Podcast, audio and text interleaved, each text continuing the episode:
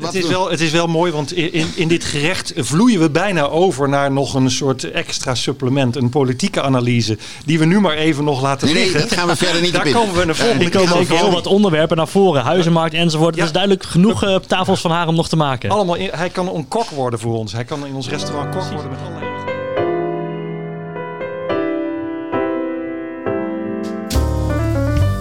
Welkom bij de Tafel van Haren. Een driegangen diner met nieuws en mooie verhalen uit Haren en omgeving. Gepresenteerd door Hein Bloemink en Casper Slotboom. Schuif gerust een stoeltje bij. Ja, Hein, hallo en welkom bij de Tafel van Haren. Ja, dag Casper. Ik kan eigenlijk zelf zeggen welkom bij de tafel van Haren. Ja, uiteindelijk is het zover. Je hebt hier een eh, hele tijd eh, je op voorbereid. Je hebt een hele lange tijd gewild. En nu heb je de Tafel van Haren hier staan. Ja, hoe is het om te beginnen? Nou ja, het is geweldig, want het is voor mij eigenlijk al een droom die al jaren eh, in mijn hoofd zat. Heel vroeger heb ik zelfs radioprogramma's gemaakt in de Zonnehof. Was ik 16, praat je over de jaren 70. Ik heb nu al zoveel jaren de krant, maar ik heb altijd gedacht, er is misschien ruimte voor ook nog een soort radiomedium, een radio-talkshow. En die mogen we vandaag gaan beginnen. En dat is echt een heel mooi gevoel. Ja, is het Ja. fijn? Ja, ja ik, ben helemaal, helemaal blij en enthousiast. En jij, Casper, ja, ik ben natuurlijk Harenaar. Ik ben geboren en getogen in Haren. Eh, het is eh, helemaal mijn thuis. Eh, jij bent eigenlijk een nieuwe Harenaar. Ja, klopt. Ik woon hier twee jaar nu ongeveer. Tweeënhalf, tweeënhalf jaar denk ik ongeveer. En eh, ik ben gaan werken bij eh, Oog, de lokale omroep. En we zochten een plekje. En toen zijn we hier toevallig terechtgekomen. En eigenlijk wel heel erg gek geworden op het dorp. Want Ja. het is super gezellig. En we kunnen hier heerlijk wandelen. En eigenlijk hebben we al tegen elkaar gezegd. Als het kan, blijven we hier. Nou ja, ik, ik, eh, je bent van harte welkom. Je, ik vind, je mag je nog niet echt autochtoon Harenaar noemen, want jij komt uit andere delen van het land. Maar als je nou maar genoeg een aantal jaren dit volhoudt, dan over een aantal jaren zullen we jou officieel de status geven. Echte Harenaar. ik ga mijn best doen eh, in ieder geval. Mooi, mooi, Nou, een goed begin is al deze tafel van Haren. Die eh, staat in Shared Spaces Haren. Dat zit eh, naast de kerk aan het Zebrapad. Het oude pand van de ABN AMRO. En we hebben vandaag een heel fijn menu voor de luisteraars samengesteld. Ja, Hein, kan jij vertellen wat er op het menu staat vandaag? Ja, ik pak de menukaart er even bij. We hebben dadelijk een voorgerecht waar het over groot geld gaat. Er is een, een Harenaar, althans tot voor een jaar geleden woonde die in Haren. En die gaat de NAM-pijn doen met een claim van 8,5 miljard. Dus we gaan het over het grote geld hebben in het voormalige bankgebouw. Dan hebben we na een muzikaal intermezzo, waar jij zo dadelijk nog wat over zegt, hebben we een hoofdgerecht. Daarin gaan we een eh, zwaar onderwerp aansnijden eh, met twee gasten. En dat is dat de gemeente eh, de sporttarieven eh, aanmerkelijk gaat verhogen in Haren. Dat doet pijn bij de verenigingen. Maar we hebben daarbij ook een gast, naast de voorzitter van de voetbalvereniging, hebben we ook een tweede gast die de vraag gaat stellen of een gemeente überhaupt geld mag verdienen aan sporters. En eh, als nagerecht eh, gaan wij even eh, op de fiets stappen richting begraafplaats van Haren, van Noordlaren. Die bestaat 150 jaar en het is zonder meer de meest bijzondere begraafplaats van de voormalige gemeente Haren. Maar ik ben nog niet klaar. Oh. Want wat, wat doen wij altijd na het nagerecht? Dan komt de ober even vragen, wilt u nog een kopje koffie na? En wij hebben inderdaad straks ook nog een kopje koffie na met een bonbonnetje van literaire kwaliteit. En tussen de gerechten door wil je natuurlijk ook rustig even het wijntje van de vorige gang opdrinken. En daarom hebben wij leuke intermezzo's, een lekker muziekje van eh, Johannes van Timmeren. En eh, ja, ik zie jou heel blij knikken. Ik denk dat het tijd wordt om te beginnen aan de eerste aflevering van de Tafel van Haren. Nou, mijlpaal, dames en heren. Ehm, eh, luisteraars, eh, eh, de ober komt het voorgerecht brengen. En wie zit daar naast ons aan de tafel? Dat is Bart Pol. Welkom. Welkom. Ehm, Bart, eh, jij gaat, zoals jij hier nu zit, je bent voor mij niet het prototype van een gewiekste advocaat. eh, maar jij gaat de NAM-pijn doen met een eh massaclaim van 8,5 miljard. En dat roept wat vragen op. En de eerste vraag is, wat is uiteindelijk je doel? Nou, ik, eh, ik ben geen gewiekste advocaat, maar dat is ook niet de bedoeling. Deze zaak is eigenlijk actueel voor iedereen. Want eh, het gaat niet alleen om geld. Het gaat om recht doen aan de Groningers. En het gaat om ook eh, het grote verhaal. Je ziet het ook landelijk. eh, Het gaat om een eh, gezonde verhouding tussen de scheiding en machten. Het gaat, er, gaat om nou, dat, dat iedereen in een vrije rechtsstaat leeft. Ja, maar En- en uiteindelijk, we gaan het hebben over de bevingsschade. Hè? Want Ja, laten we ja. dat even niet vergeten. Ja, maar daar, daar, daar, daar is eh, schade eh, toegebracht. Eh, ik heb ook eh, gesproken met de economische zaken in eh, Den Haag. De, de schatting dat de, de, de versterking operatie die nodig is, dat dat eh, rond dit bedrag kost. 8,5 miljard. 8,5 miljard, 8,7. En, eh, Maar wat is het probleem, Bart? Want de NAM die heeft toch al gezegd, we gaan de schade vergoeden. Ja, inderdaad. De de NAM gezegd, we gaan de schade vergoeden. Er is ook eh, eh, gewaarborgd door de staat. Dat, eh, dat mocht de NAM niet in staat zijn dit te vergoeden, dat een eh, staat bijspringt of het volledig overneemt. Maar er is een geval dat, eh, dat de overheid een bestuursakkoord heeft aangegaan van anderhalf miljard eh, in afgelopen november. Wordt anderhalf miljard besteed. Nou, ik heb geleerd als je iets eh, 8,7 miljard wil besteden en anderhalf miljard ter beschikking hebt, dat dat niet gaat worden. Heb je tekort? Eigenlijk zeg je, er is voor, ander, voor 8,5 miljard kapot gemaakt en er wordt voor anderhalf miljard vergoed. Ja. Ik heb dat niet kunnen verifiëren, maar ik even aannemende dat je cijfers kloppen. Ja. Nu heb jij je dus op je genomen om namens de gedupeerden toch die, ander, die 8,5 miljard op tafel te krijgen. Hoe ga je dat doen? De stichting gaat de claim doen namens Ja. gedupeerden. Ja. En die stichting wordt gefinancierd vanuit een BV die je opgericht hebt. En daar moet je aandeelhouders voor zoeken. Maar laten we even beginnen bij die stichting. Eh, die stichting heeft een advocaat in de arm genomen. Wie Ja. is dat en hoe gaat jullie strategie eruit zien? De advocaat is Bert Brouwer uit, eh, uit eh, Amsterdam. En die is gewend uh, massaclaims te doen. Die heeft ook een Volkswagen claim gedaan. Die heeft meerdere grote claims gedaan. Die is op, uh, treedt op tegen concerns. Ja. Dus uh, voor hem is Shell niet nieuw. Nee, dus, maar dat betekent dat jullie een strategie gaan bedenken om de NAM uh, ook daadwerkelijk die 8,5 miljard te laten betalen. Ja, Hoe gaan jullie in eerste instantie bewijzen wat dan die werkelijke schade is? Dat gaan we bewijzen door experts, een expert in te huren, een contra-expert. Als je, dat is hetzelfde als bij een brandschade. Je komen experts van de verzekeraars, die hebben natuurlijk geen zin om uh, de volledige schade direct te betalen. Dat, uh, dat is een spel. En dan is een contra-expert die alleen voor de bewoner en de eigenaar optreedt. Ja. En dat betekent dat jullie dan ervan uitgaan dat jullie straks kunnen aantonen dat er 8,5 miljard schade is. Exact. En dat juridisch gaan, uh, ja, eigenlijk door de rechter, voor de rechter gaan brengen. Ja. En dat gaat de advocaat doen. Ja. Uh, even aannemende dat het zover komt. Jullie moeten eerst de advocaat betalen. Ga jij dat uit eigen zak betalen? Nee, dat gaan de aandeelhouders betalen. En ik heb uh, een BV opgericht. Jullie gaan met de BV gaan jullie de zaak financieren hè, om ja, de advocaat ja, ja, te kunnen betalen. En die BV die gaat in eerste instantie als taak hebben om uh, ja, het, het, te financieren dat het voor de rechter kan komen. Hoeveel hebben jullie daarvoor nodig? Uh, 5 miljoen euro. Dus je moet 5 miljoen moet je zien binnen te halen van aandeelhouders. Ja, en we hebben 50.000 aandelen uitgeschreven. En ieder aandeel is 100 euro. En komende week verstuur ik al 6000 brieven. Uh, aan, aan, bedrijven en mensen die dat kunnen betalen, die ja. uh, dat makkelijk kunnen. Uh, maar, maar er lopen er al heel veel schadetrajecten lopen er al, of zijn al uitbetaald, of, ja. of inderdaad mensen zitten er middenin. Wordt dan niet een gigantisch ingewikkelde puzzel om dat als een soort collectief geheel aan te gaan vechten? Nee, er, er, is geen ingewikkelde puzzel, want er zijn veel mensen die niet betaald zijn of gedeeltelijk betaald. En de versterkingsoperatie zijn maar 100 huizen gerealiseerd. Dus er zijn nog mensen, meer dan 25.000 huizen die nog versterkt moeten worden. Dus, uh, die ga je in kaart brengen? Die gaan we in kaart ja. brengen. Uh, ja, en die aandeelhouders, ga je die ook een winstperspectief geven? Gaan die ook straks verdienen ja. aan de zaak? Ja, en er komt een betrouwbaar contract waar, waar de stichting ook kritisch naar de financier kijkt. De algemene vergadering van aandeelhouders is dat van de BV. Ja. En uh, daar zit ook een commissaris boven. En maar dat is een beetje de structuur van hoe een BV in elkaar kan zitten. Dat, dat geloof ik wel. Maar het is wel belangrijk dat je dus de aandeelhouders nu 100 euro laat betalen voor een ja. aandeel. En dat je zegt dat als straks de claim wordt toegekend, dan gaan we uit dat geld gaan we de aandeelhouders een soort ja. van winst betalen. En, en er wordt 20 keer uh, de opbrengst. Er wordt 20 maar, keer die 5 miljoen. En dan krijgen de aandeelhouders men de kosten en de winst die de BV moet maken kan dat niet controversieel worden, omdat aardbevingsschade heel veel leed bij mensen uh, uh, opgeleverd. En dan hoor je dan nu dat er dan naar aandeelhouders geld uitgekeerd kan worden van een eventuele claim. Dat klinkt zo op het eerste gezicht een beetje gek, als je het mij vraagt. Dat klinkt misschien gek, maar de, de, de slachtoffers hebben er belang bij. De, de hele mentale schade kan ik niks aan doen. Als ik uh, Mark Rutte was geweest, had ik deze aanpak ook negen jaar geleden al toegepast. Eh, dan sluit je niet uit dat er mentale schade ontstaat. Eh, daar kan ik niks aan doen. Eh, Nee, maar wat, wat, wat Casper zegt is van je gaat in wezen winst uitkeren aan de aandeelhouders, terwijl de mensen leed hebben. Is wat jij nu betoogt dat die mensen die leed hebben al lang blij zijn dat ze kunnen versterken? Nee, zo is het niet. Het standpunt is niet arrogant. Het is niet van bovenaf. Het gaat om herstel van de rechtsstaat en recht doen aan de mensen. En de prijs van de rechtsstaat is nou eenmaal hoog. Ja, Ja, Maar- maar ben je dan en, niet, En, eh, en, en, en het risico van de aandeelhouders is ook hoog. Want het is namelijk zo.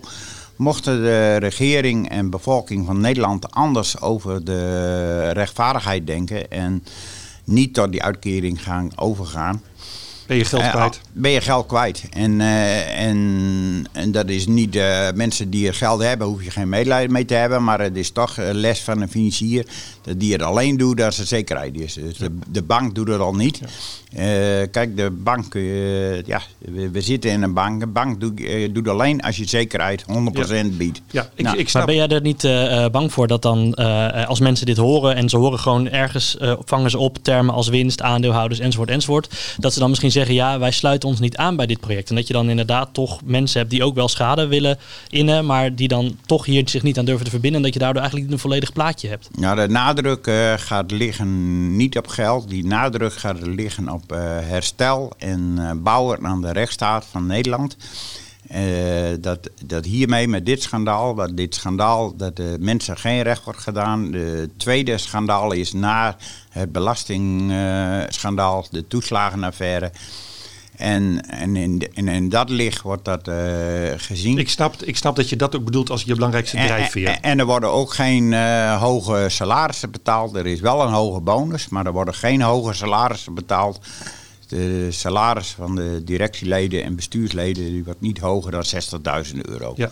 En, nou, de- nou ga ik even een sprong maken in de tijd. Nou is straks eh, eh, het, het geld uitgekeerd eh, en dan moet het, de versterking beginnen. En nou begreep ik dat de BV daar eigenlijk ook een rol in wil spelen.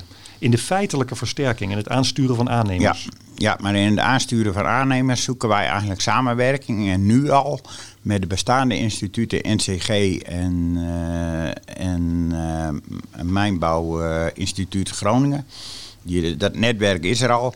Daar hebben wij ideeën over en, eh, hoe je dat doet. En dat is dan het tweede verhaal en daar, eh, daar gaan we ons ook mee bemoeien. Maar het is niet zo dat wij gaan bouwen. Ik heb afsluitend nog even een vraag, want het is natuurlijk al eventjes kort in het nieuws geweest. Eh, eh, ja, zijn er al reacties binnen? Zijn er al mensen die hebben gezegd, goh, hier wil ik me wel bij aansluiten? Ja, er zijn al reacties binnen. Er is al een eh, toezegging van investering van 100.000 euro. Kijk eens aan. Nou ja, eh, eh, je moet nog heel wat aandeelhouders van 100 euro zien bij elkaar te sprokkelen. In deze uitzending eh, ben je in Haren. Er zijn misschien Harenaars die eh, willen aanhaken.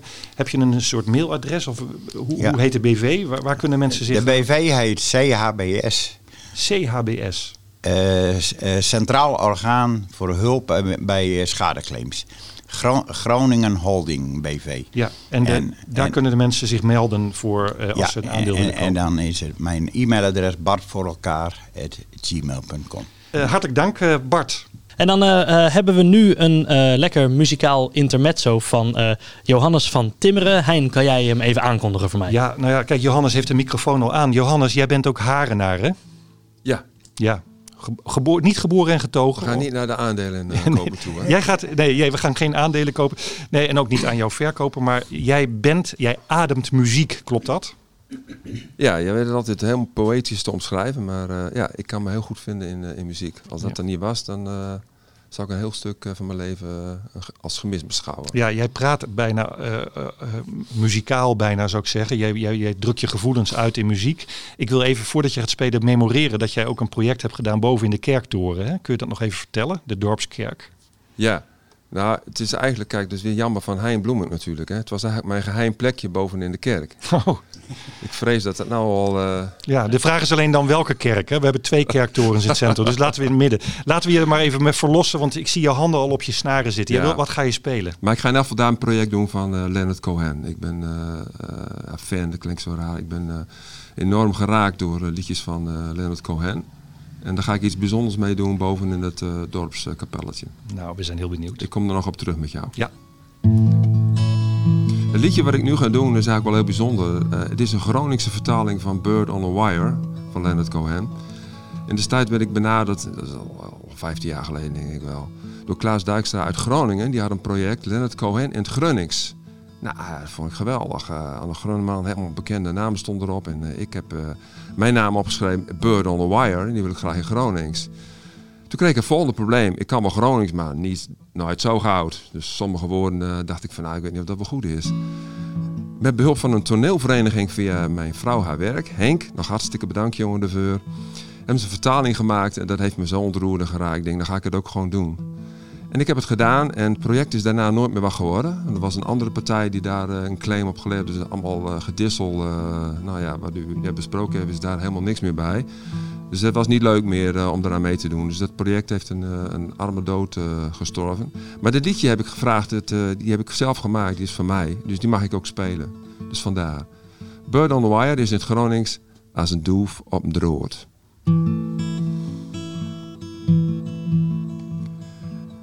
Als een doef op een droor, als een zoebelap land op stro, heb ik op mij mijn probeer om vrij te wezen.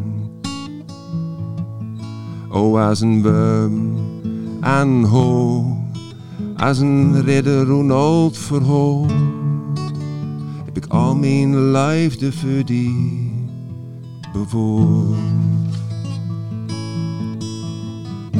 En die, die ik heb verdraaid. Oh, dan hoop ik dat toen mij laten gaan. Heb ik ooit, heb ik ooit tegen mensen loon. Weet dat ik die nooit heb bedroomd. Oh, als een baby net geboren. Of als een door met zijn hoorn. Heb ik elke nooit die die griepen wou verscheurd. Maar ik zweer, bij dit lei. En elk wel leer om dit verdraai. Ach, ik maak het allemaal weer gauw met die. Zag een schooier leun op zijn handen staan.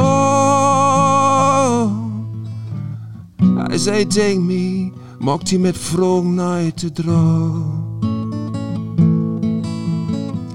En een schienhoedje dat staat in het roze licht. Als hij rijdt tegen me, heet out de deur nooit te vlot dicht. Oh, als een doel op de rood. Als een zoeblap land op stroom. Heb ik op mij mijn probeer om vrij te wezen.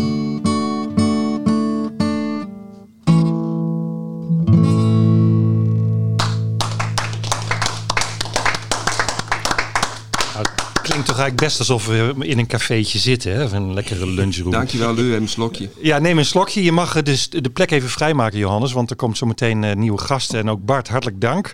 En de eerste gast die ik wil vragen is uh, Huub van het Hek. En de tweede gast die ik wil vragen is Klaas Hommes.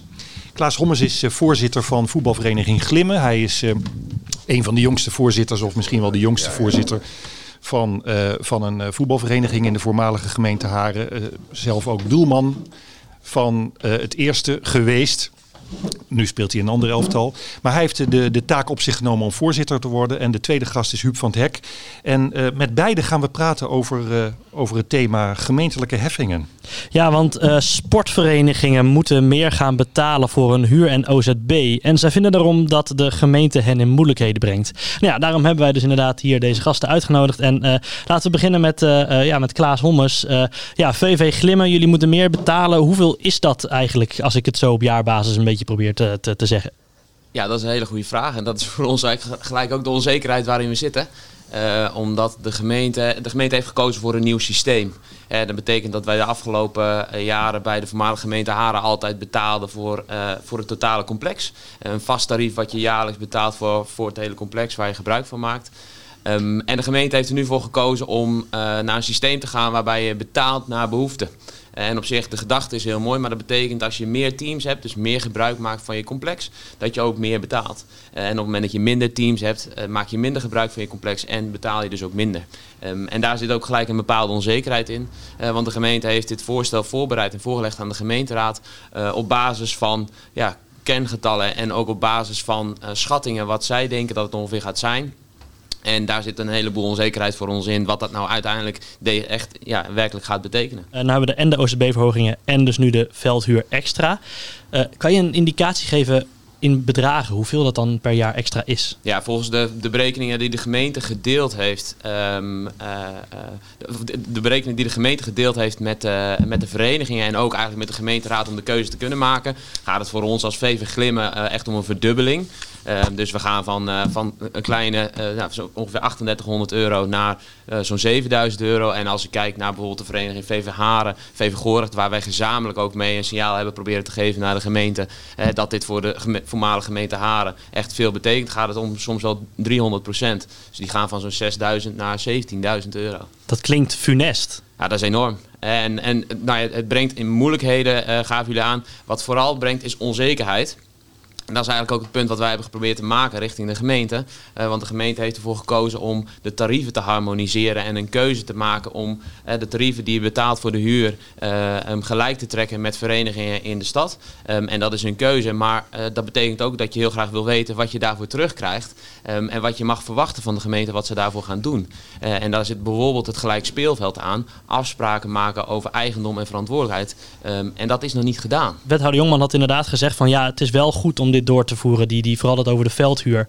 Omdat ja, in Groningen moeten clubs ook meer veldhuur betalen. Dus dan moet de rest van de gemeente dat ook. Maar zo simpel ligt het volgens jou niet. Nee, en uh, um, ik denk dat uh, mevrouw Jongman ook de keuze heeft gemaakt hè, met het raadsvoorstel uh, ten opzichte van wat ze in januari heeft voorgelegd en wat nu in maart besloten is om daar een ingroeimodel in te maken, maar daarbij ook het eerste jaar, ook vanwege corona, geen verhoging te doen. Ja, hebben wij gezegd van wij kunnen de consequenties op dit moment niet inschatten. We hebben nog geen afspraak gemaakt over gelijk speelveld. Dus waarom moet dit nu? Hè, waarom kan het niet een half jaar later?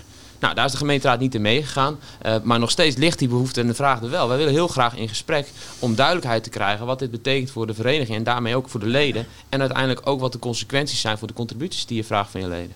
Ja, want uh, gaat dit uiteindelijk uh, gaat het de leden meer kosten? Ja, kijk, op het moment dat je de huur verdubbelt en je gaat van uh, 3800 naar 7000 euro, dan is dit, dat, dat betekent dat je, het zal altijd de leden raken. De vraag is alleen op welke manier. En dat geldt voor ons, maar dat geldt voor Haren, dat geldt voor Gorecht, allemaal. Klaas, dus, hebben jullie dan in Haren niet gewoon te goedkoop geleefd? Ik denk dat, dat vraag ik me af aan. En ik denk ook, hè, dat, daar hebben wij het ook eerder al een keer over gehad. Als je het hebt over de tarieven en de keuze die je maakt. Het is een politieke keuze uh, om uh, te investeren in sport of niet. Uh, en het feit dat je nu verhoogt, je had ook, de gemeenteraad had ook andersom kunnen kiezen. En kunnen zeggen, wat, in Haren kan het dus voor een bepaald tarief. Waarom kan dat in Groningen niet? Ja. en dus de tarieven in Haren of in Groningen verlagen. Omdat je daarmee de drempel om gebruik te kunnen maken van sport in je gemeente kan verlagen. Ja, ja. Ik, ik zou eigenlijk dan direct ook Huub erbij willen betrekken. Ik zag hem net ook al knikken, want jij zegt terecht van ja, het is ook een investering in bewegen en gezondheid uh, door als gemeente te faciliteren. Ja. Huub van het Hek, kun jij misschien uh, uh, eens schetsen hoe jij eigenlijk de rol van de gemeente ziet op dit gebied? Nou, uit het verhaal van de, de voorzitter van VV Glimmen horen we dat er hele duidelijke principiële fouten worden gemaakt. Laat ik het heel simpel houden op de uh, kaart van de gemeente Groningen kun je twee soorten grond onderscheiden. Dat is, laat ik maar zeggen, commerciële grond. Daar waar we wel kunnen bouwen en uit kunnen geven als bouwgrond. En daar is grond die daar niet voor in aanmerking komt. En dan bedoel ik Noorderplantsoen, uh, Stadspark, uh, Boerenmapark, dat, dat soort gronden. Nu heeft de gemeente, die heeft een taak om te zorgen dat de bevolking fris, gezond enzovoort blijft. Want dat hebben we nodig in elk opzicht van ons bestaan. Dus er moet grond uitgegeven worden om die mensen gezond te houden.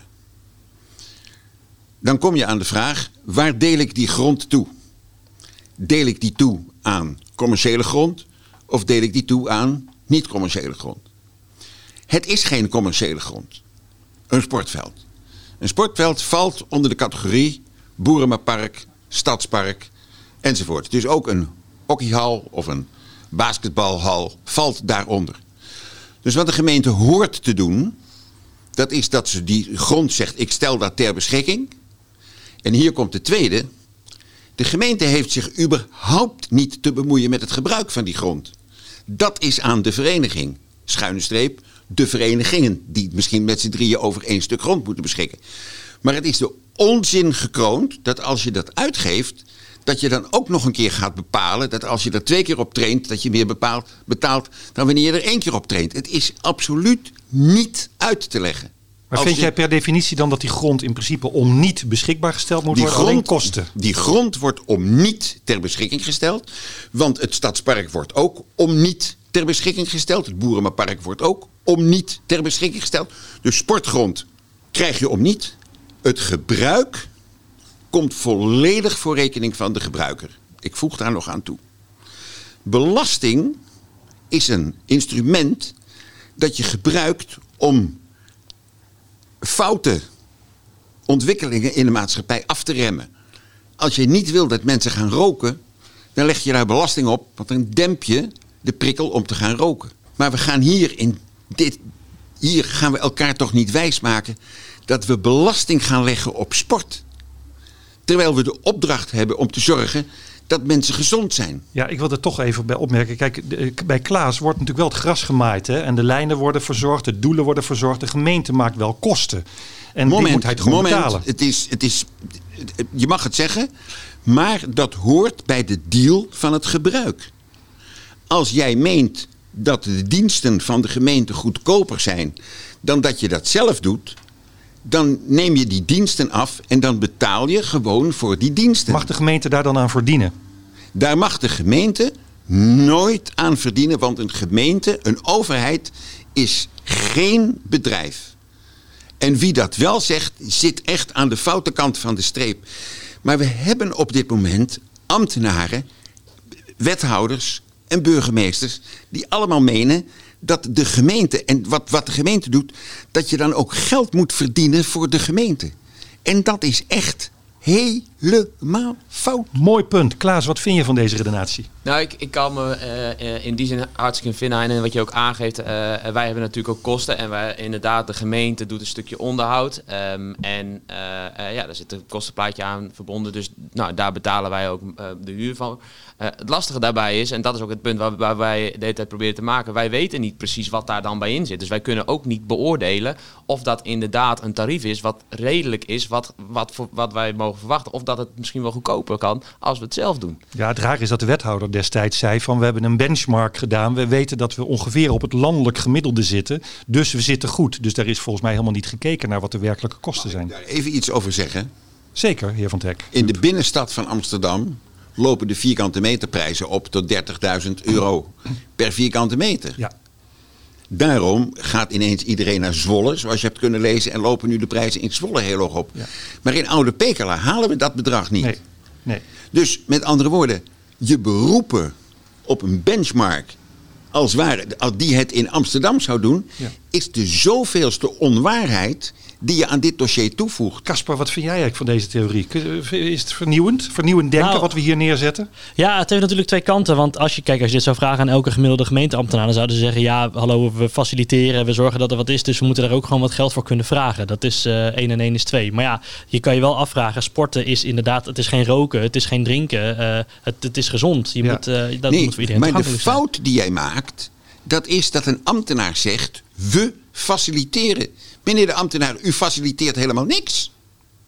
Nou ja, ze Die- sturen toch de, de, de, de grasmaaiers er naartoe en, de, onderhoud van nee, het gebouw. die grasmaaiers die komen daar als ik als vereniging dat Ja, wil. ja. Ik krijg die grasmaaiers niet op mijn contract cadeau. Nou, als dat- ik zelf wil maaien, maai ik Dan, zelf. laten, dan vragen we aan Klaas. Klaas, zou jij er wel wat voor voelen om eens te kijken of jij niet zelf het onderhoud kunt inhuren, waardoor je misschien ook veel goedkoper uit kunt zijn? Ja, maar daarvoor moet ik wel weten wat dat de consequenties daarvan zijn. En of het inderdaad voor ons als vereniging interessant en is ook te realiseren is, te organiseren is met vrijwilligers. eh, om daar invulling aan te geven. En dat betekent wel dat je kan, op zoek kan gaan naar een partij die dat voor jou doet. Hè, zoals dat eigenlijk de gemeente dat op dit moment ook doet. Alleen kan de cons- consequenties niet inschatten. Ik weet niet precies wat het kost en wat dat Misschien betekent. een lokaal hoveniersbedrijf. Ja, bijvoorbeeld. Hè. Dus da- daar kan je, maar daar zit wel ruimte in. Daar zouden wij heel graag het gesprek over voeren. En eigenlijk is dat ook de essentie. Dat is datgene wat je met de gemeente in gelijk speelveld wil regelen. Ja. En dat is gewoon nog niet gebeurd. En, en dit is misschien wel de vraag die ik de afgelopen twee jaar het meest heb gesteld hier. Heb je het idee dat de, geme dat de gemeente Groningen überhaupt luistert naar wat er hier in Haren speelt en belangrijk is voor jullie?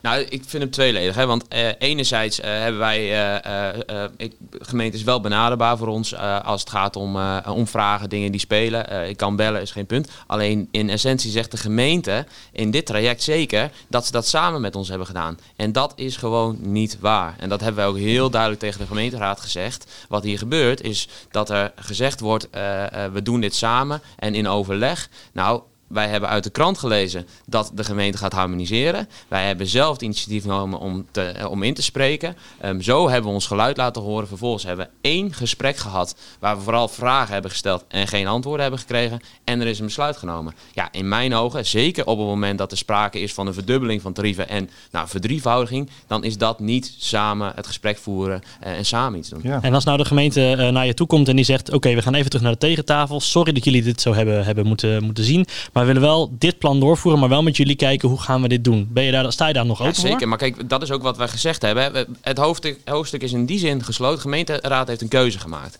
En wij willen verder. En dat is ook wat ik wil. Dat heb ik ook tegen de gemeenteraadsleden gezegd.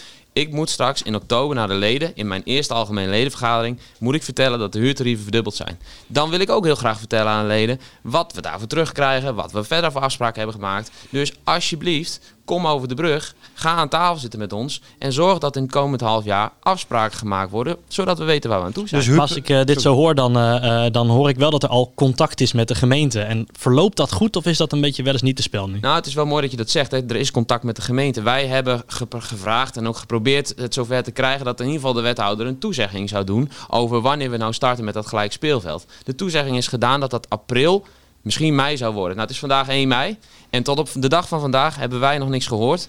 Andersom, wij hebben zelf weer het initiatief genomen richting de gemeente om aan te geven. hè, Dus we hebben gemaild, wanneer gaan we starten? Dus je blijft wachten en wachten en wachten. En wij, wachten. wij nemen het initiatief en we zouden het mooi vinden als de gemeente dat ook naar ons Hey, eh, afsluitend, eh, Klaas, mocht jij nu tegenover de gemeente staan en je zou mogen, alles mogen zeggen wat je wil, wat wil je van de gemeente? Een afspraak. Ik wil gewoon echt een afspraak maken van wanneer gaan we om tafel. En wij staan er klaar voor, wij hebben er een beeld bij en we willen het vooral regelen. We moeten verder. En we moeten duidelijkheid kunnen geven naar de leden. Dus heel graag een afspraak. Nou, lijkt me helder. Dan is het eh, tijd voor muziek. Heel goed, we gaan eh, een changement maken met dank aan Huub van het Hek en aan Klaas voor even deze eh, gedachtegang. Eh, er wordt een box gegeven aan elkaar. Eh, dus we gaan even een klein changement maken. Johannes komt weer naar de tafel. Goed, Johannes, eh, je bent weer eh, aangeschoven. Het changement is geweest. Eh, het intermezzo staat op beginnen. En waar neem je ons mee naartoe? Ik neem jullie mee naar eh Ede Staal. Dat is eh, iemand, eh, ja, die is eh, niet te filmen, niet na te volgen en zeker niet na te doen. En dat wil ik ook helemaal niet. Ik wil alleen die sfeer laten proeven. Die, vooral het nummer heeft net nog nooit zo donker geweest. In deze tijd natuurlijk. Maar goed, ik heb, ik heb vrij veel voor ouderen, wijze ouderen opgetreden. En eh, gemerkt hoe laag ze ook zitten in hun verstandsvermogen, dat die muziek wat triggert. En dat is voor mij eh, was dat eh, ja, een kippenvelmoment. Je bedoelt door dementie bijvoorbeeld. Ja, ja, Ja. Ik, ik hou niet zo van die termen en zo. Maar gewoon ouderen die gewoon wat, wat, wat moeite hebben met dingen herinneren. En die, die worden opeens geprikkeld door muziek. Bijvoorbeeld was in de Zonnehof was een mevrouw die had eigenlijk nog geen woord gezegd volgens het verplegend personeel. En die zat de hele tijd me een beetje aan te kijken. En toen boog ze in één keer naar me toe en zei ze, "Het- is- het is een feestje. Nou, dat, Nou, laat ons dat- meegenieten van dat het raakt feestje. mij eh, enorm. Wij gaan, het, we gaan met belangstelling luisteren.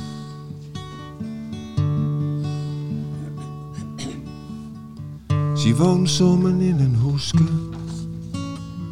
Zij was de stief van reumatie. Toen kon ze buiten over redden. In het leutje hoesje achter die. Kinderen waren lang de deur uit. Toen kwam ze voor op de holle steen. Mooist dit hadden het over vrouwen. Die wisten ze allemaal wat hij zei. Het is nog nooit, nog nooit zo donker geweest of het werd altijd wel weer licht. mij betreft mag, eh, mag je best wel meezingen hoor. Achtergrondkoortje heb ik hier zo, vier man sterk. Zes houder en een ole zeggen. Ein Schwienemorg en Kampkoblaan. Tweemaal door zeem over het loontje. En din heel open om biedt aan. Zijn hele leven hadden arbeid. En moeke middag kinder toe. Die zomerdag al vrouw gaan maaien. En pas om melken stiet bij hoe. Het is nog nooit, nog nooit zo donker geweest Of het werd altijd wel weer licht Oh, het is nog nooit, nog nooit zo donker geweest Of het werd altijd wel weer licht Ah, het begint te komen, man. Op een zondag in december Ik hoop het zomer zo benauwd zijn dochter bracht hem naar de stad toe, omdat ze dagelijks nooit vertrouwt. En aan de dorst is overleden, had het me voor ons zo begroot. Misschien was beter aan de zon weer, want drie weken later was ze ook dood. Maar het nog nooit, nog nooit zo donker geweest, of het werd altijd wel weer leer. Oh, het nog nooit, nog nooit zo donker geweest, of het werd altijd wel weer leer. Ik weet, er is een tijd van kom, en er is ook een tijd van gewoon.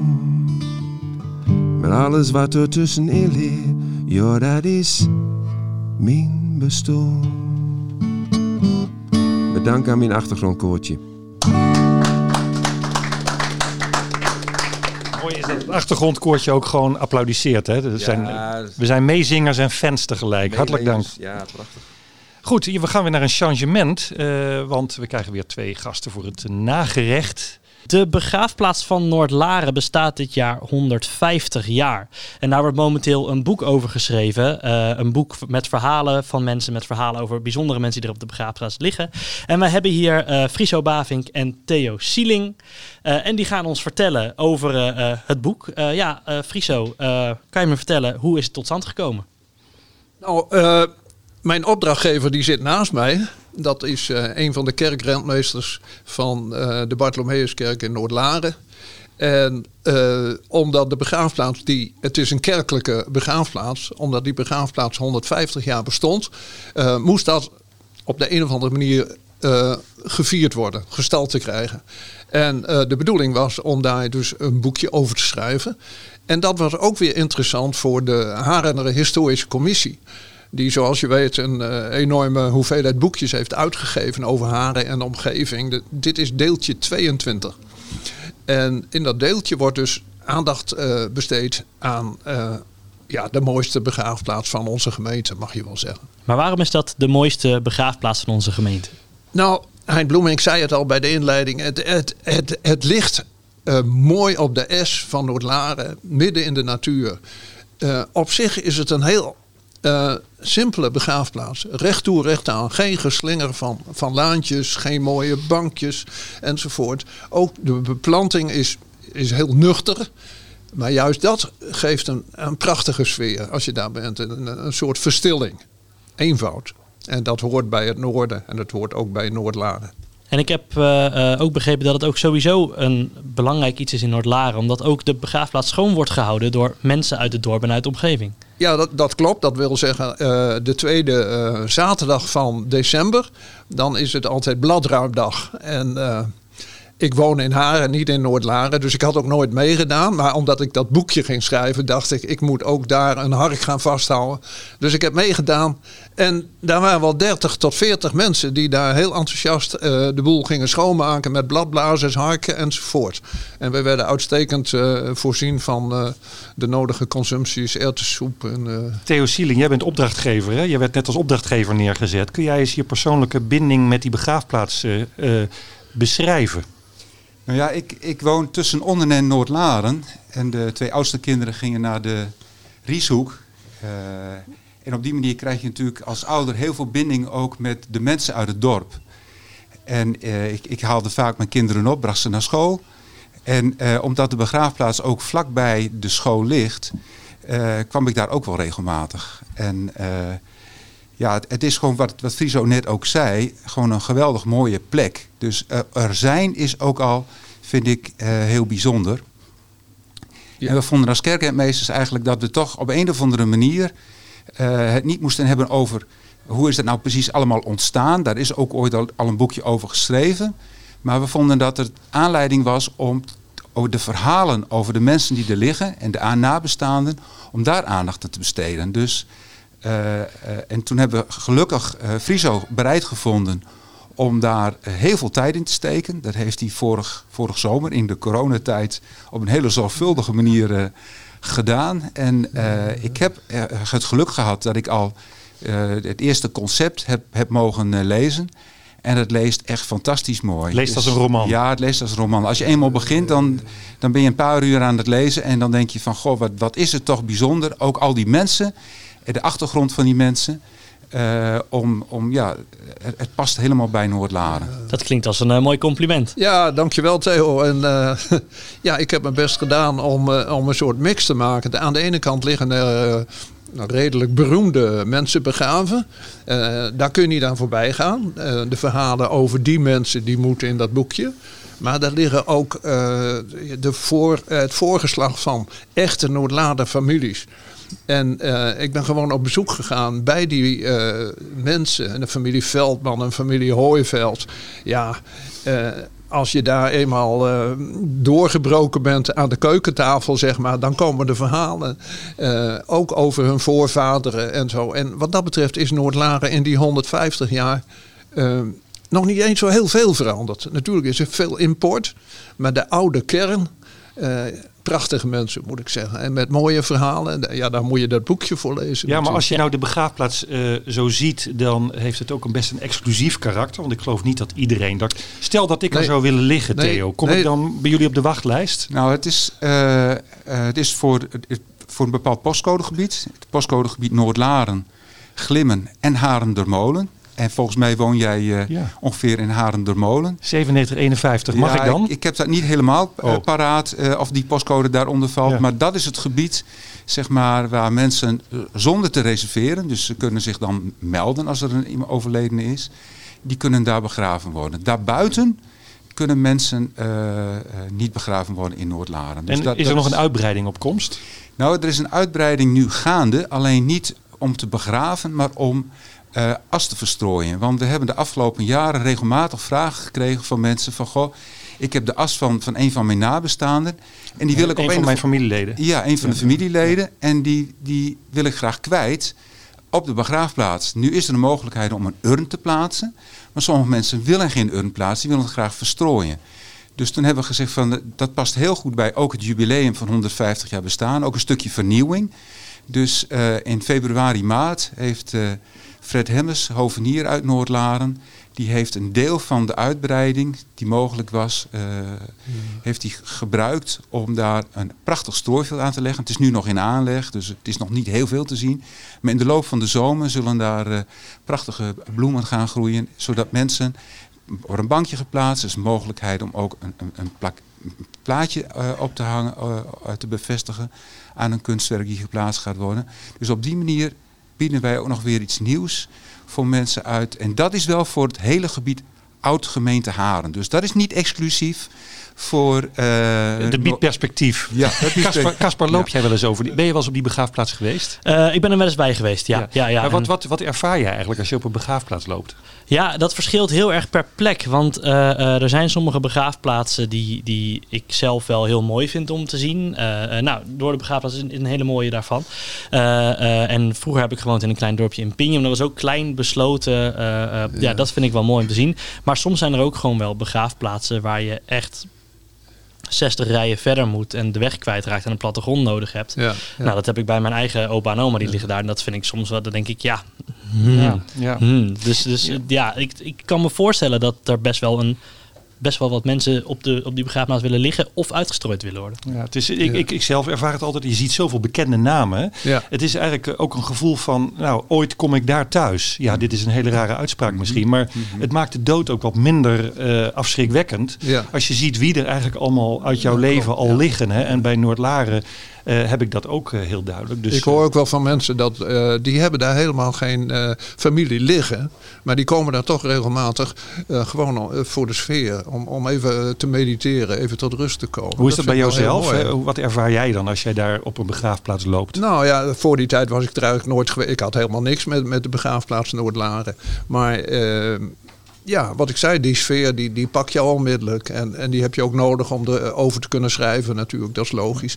En eh, er is een, eh, een graf Delver, zeg maar. Hè? Martine Stuik.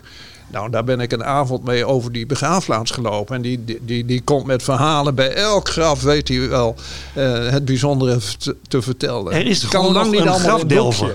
Er is gewoon nog een grafdelver met een naam. Ja, ja, ja, zeker. En Niet dat een is van- machine. Van, vader op zoon. Dat is al Ja, de vierde generatie. ja. Vierde En dan- generatie. En dan vertelt hij eh, bijvoorbeeld, ja, eh, er is iemand overleden en twee zoons komen bij mij en die zeggen, eh, mogen wij dat graf wel delven?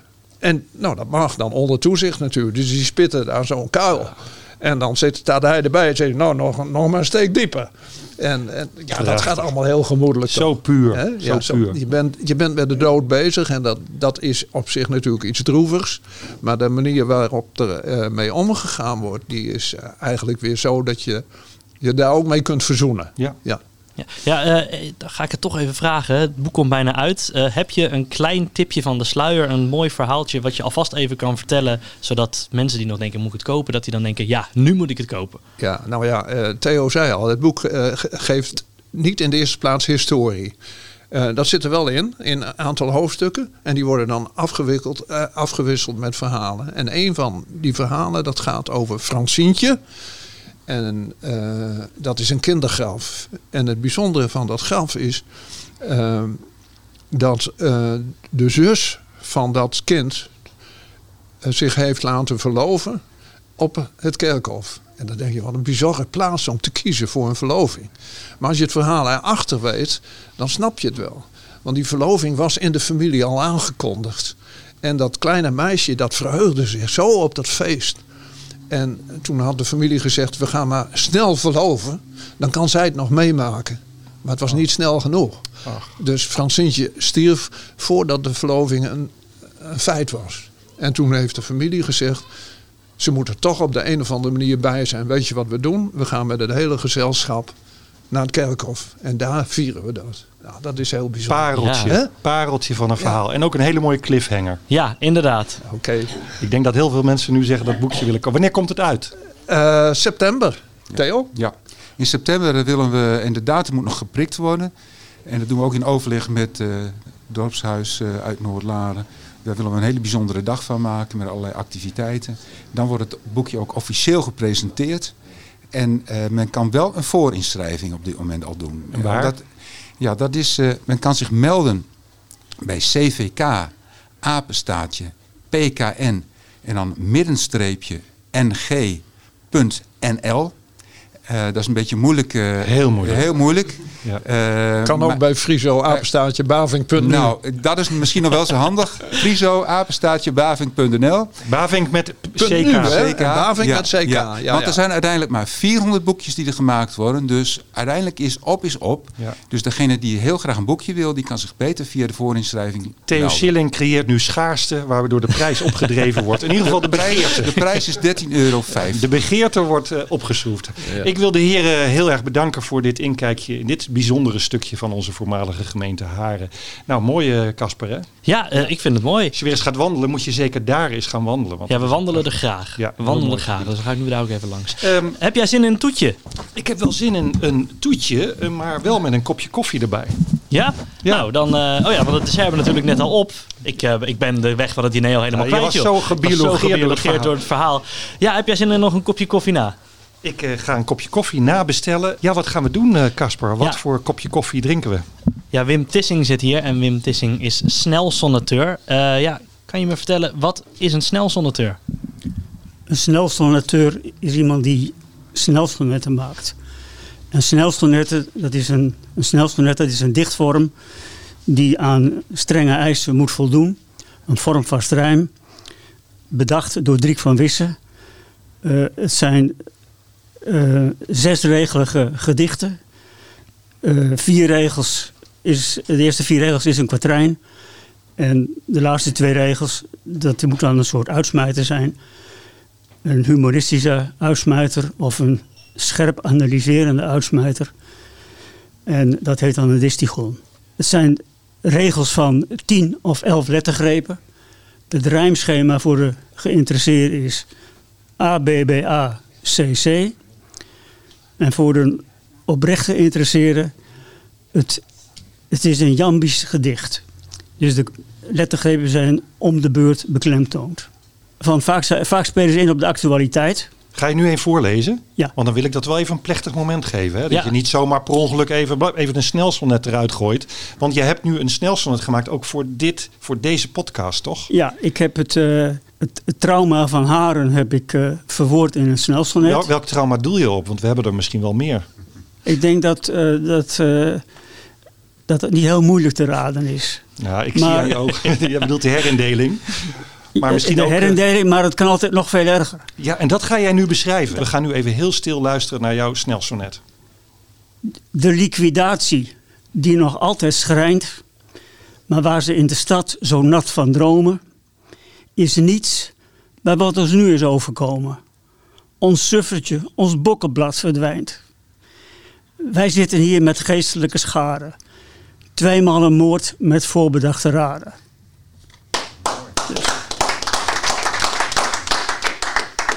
En, en, hierin zit de herindeling verwerkt, maar tevens het leed van, dit, van deze week, dat het Haarner Weekblad dus opgehouden te bestaan. Ja, in de 97 jaar uh, verdwijnt de titel. Ja. En uh, dat is ook een, uh, ja, een, negatieve mijlpaal. Het lijkt wel alsof het, het woord haren niet meer gebruikt mag worden. Ja, nou ja, uh, je, je, wijst nu naar deze krant, maar ik weet niet of je bril op hebt, maar er staat niet Haren Weekblad boven, maar Haren de krant. We hebben natuurlijk gelukkig nog wel een krant die over haren gaat. En. Jawel, maar, maar dat is geen suffertje. Nee, oh kijk eens. Dus, ik zeg nu even niks. Het is het plaatselijke niet ja, be bescheidenheid siert nu. maar, maar ik zit gewoon te draaien op mijn stoel. En toch wou we even weten hoe nou dit sonnet dan tot stand komt. Beschrijf even dat proces. Ik werd gevraagd door Hein Bloemink of ik een, act, een snelsonnet kon maken, uh, ontleden aan de actualiteit in Haren. Ja, en dan, en dan uh, zit het mee dat dit op dit moment zich voordeed. Je hoort mij niet zeggen dat er in Haren nooit wat gebeurt, maar dit was wel mooi meegenomen. Nou ja, en van het een komt het ander. En uh, dan is het een kwestie van veilen, poetsen, schuren en schaven. En dan rolt dit eruit. Het is een kunstvorm. Wat ons betreft voor herhaling vatbaar, ja. mogen, mogen we je vaker uitnodigen? Ja, ja zeker. Ik, uh, graag. Hierbij geregeld. Ja, die, die site willen we nog weten, hè? Waar, die, waar, die, waar die snelsonnetten te lezen zijn. Dat is de site gedichten.nl. Maar als on Wim Overweg publiceer je daarop. Dus jouw fans kunnen daar nu ja. kijken. Ja. Nou, wat leuk. Ik woon aan de viaductweg, vandaar uh, de naam Wim Overweg, de, de schuilnaam Wim ja. Overweg. Ja. Dus, uh... mooi, mooi, mooi. Ik wil je hartelijk danken, Wim, voor jouw optreden hier in ons uh, ja, Tafel van Haren programma. We, we komen naar het eind. We hebben het kopje koffie nu op. Laat de pianist maar spelen. Ja, we zijn aan het einde gekomen van de allereerste Tafel van Haren. Uh, hein, ja. hoe was het? Even luisteren. Ja, de pianist precies op het goede moment gaat hij spelen. Ik heb een warm gevoel. We zitten hier namelijk ook best gezellig bij elkaar. Op geruime afstand. Hè, dat zeg ik er direct even bij. Maar ik geloof dat de gasten die uh, nadat ze opgetreden hebben in de wachtkamer zitten... ook best het gezellig vonden. En, uh, en ik dus ook. Ik vind het voor herhaling vatbaar. We gaan nog zes, we gaan nog vijf na deze maken. En jij, Casper? Ik vond het een, uh, ik vond het een heel groot succes. Ik vond het leuk. Ik vond het interessant. En ja. inderdaad voor herhaling vatbaar. Ja, want mocht je nou luisteren en denken: Goh, dit vind ik leuk, dit wil ik meer. Support ons ook vooral. Uh, de podcast staat op al je favoriete podcastkanalen. Geef even een like, geef even een reactie. Uh, het is de tafel van Haren vanuit Shared Spaces Haren voor de komende zes maanden. als het bevalt, gaan we door. Dus nogmaals, laat horen dat je het leuk vindt. Heb je nou een vraag? Graag, mail het naar de tafel van haren@gmail.com en volg ons op onze social media kanalen. Op Instagram de tafel van haren, op Facebook de tafel van haren, Twitter de tafel van haren. En als we er nog eentje missen, laat het ons vooral weer weten op de tafel van haren@gmail.com en tot de volgende Graag keer. tot volgende maand.